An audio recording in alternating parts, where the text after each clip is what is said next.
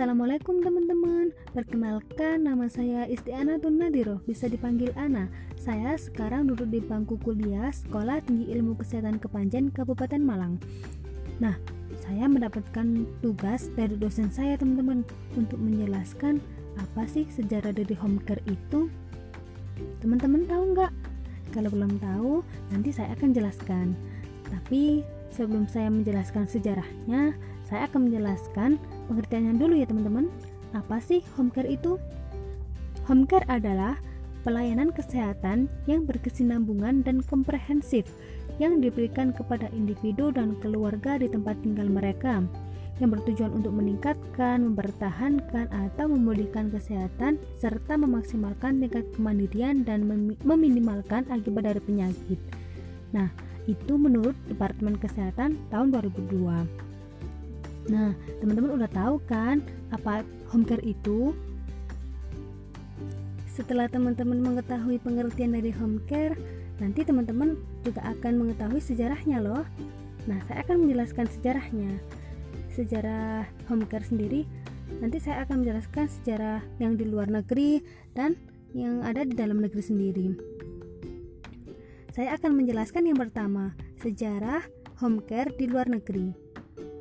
Dulu di Amerika, home care yang terorganisasikan dimulai sejak sekitar tahun 1880-an di mana saat itu banyak sekali penderita penyakit infeksi dengan angka kematian yang tinggi. Meskipun pada saat itu telah banyak didirikan rumah sakit modern, namun pemanfaatannya masih sangat rendah teman-teman. Hal ini dikarenakan masyarakatnya itu lebih menyukai perawatan di rumah. Kondisi ini pun berkembang secara profesional, sehingga pada tahun 1900 terdapat 12.000 perawat. Ya teman-teman ya 12.000 perawat yang terlatih di seluruh USA memberikan asuhan keperawatan di rumah pada keluarga miskin, terus melakukan public health nurse, terus melakukan upaya promosi dan prevensi untuk melindungi kesehatan masyarakat serta mereka juga melakukan praktek mandiri yang melakukan asuhan keperawatan pasien di rumah sesuai kebutuhannya. Nah, sejak tahun 1990-an, institusi yang memberikan layanan home care terus meningkat teman-teman sekitar 10% per tahun dari semula layanan hanya diberikan oleh organisasi perawat pengunjung rumah dan pemerintah kemudian berkembang layanan yang berorientasi profit dan yang berbasis RS atau Hospital Based Agency. Nah, kondisi ini terjadi seiring dengan perubahan sistem pembayaran jasa layanan home care tersebut, teman-teman. Nah, home care tersebut dapat dibayar melalui pihak ketiga atau kita menyebutnya biasanya asuransi. Dan perkembangan spesialisasi di berbagai layanan kesehatan termasuk berkembangnya home health nursing yang merupakan spesialisasi dari community health nursing. Jadi, kesimpulannya, dulu itu di Amerika banyak didirikan rumah sakit modern, namun pemanfaatannya masih sangat rendah, teman-teman. Hal ini dikarenakan masyarakatnya itu lebih menyukai perawatan di rumah. Nah, kondisi ini berkembang secara profesional. Akhirnya banyak perawat yang terlatih di seluruh USA itu untuk memberikan asuhan keperawatan di rumah pada keluarga miskin, melakukan public health nurse, dan melakukan upaya promosi dan prevensi untuk melindungi kesehatan masyarakat. Nah, itulah sejarah dari home care di Amerika. Nah, sejarah yang dari luar negeri sudah saya selesaikan teman-teman. Sekarang saya akan menjelaskan sejarah yang ada di Indonesia.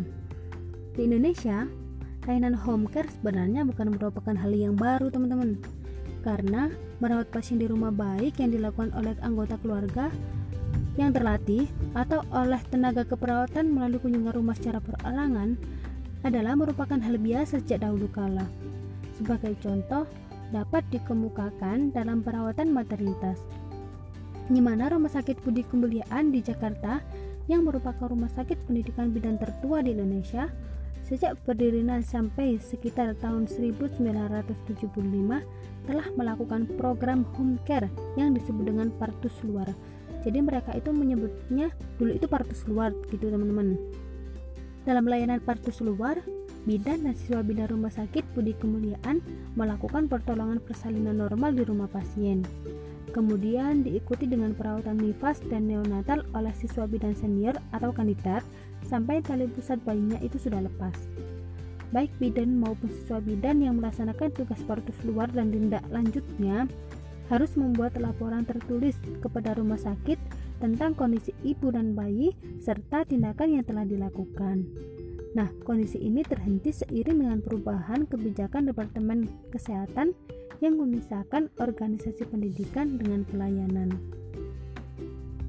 Jadi, layanan home care di Indonesia sebenarnya bukan merupakan hal yang baru, teman-teman.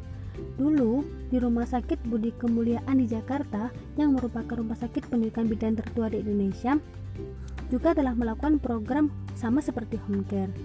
Tapi mereka menyebutnya bukan home care, mereka menyebutnya dengan partus luar. Dan dalam layanan partus luar tersebut, bidan dan siswa bidan atau bisa disebut asistennya Rumah Sakit Budi Kemuliaan melakukan pertolongan persalinan normal, normal di rumah pasien langsung teman-teman di rumahnya kemudian diikuti dengan perawatan nifasnya dan neonatal oleh siswa bidan senior sampai tali pusatnya itu sudah lepas. Tapi baik bidan maupun asistennya itu harus membuat laporan tertulis kepada rumah sakitnya teman-teman tentang kondisi ibu dan bayi serta tindakan yang dilakukannya. Nah, Kondisi ini terhenti seiring dengan perubahan kebijakan Departemen Kesehatan yang memisahkan organisasi pendidikan dan pelayanannya itu.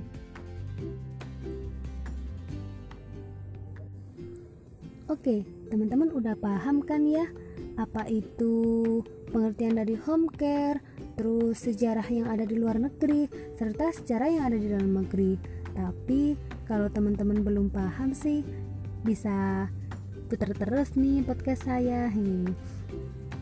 saya kira cukup ya teman-teman. Uh, dan mohon maaf apabila tadi banyak sih salah pengucapan atau yang lain sebagainya karena saya juga masih proses belajar. Terima kasih ya. Kurang lebihnya mohon maaf. Assalamualaikum warahmatullahi wabarakatuh dan selamat beraktivitas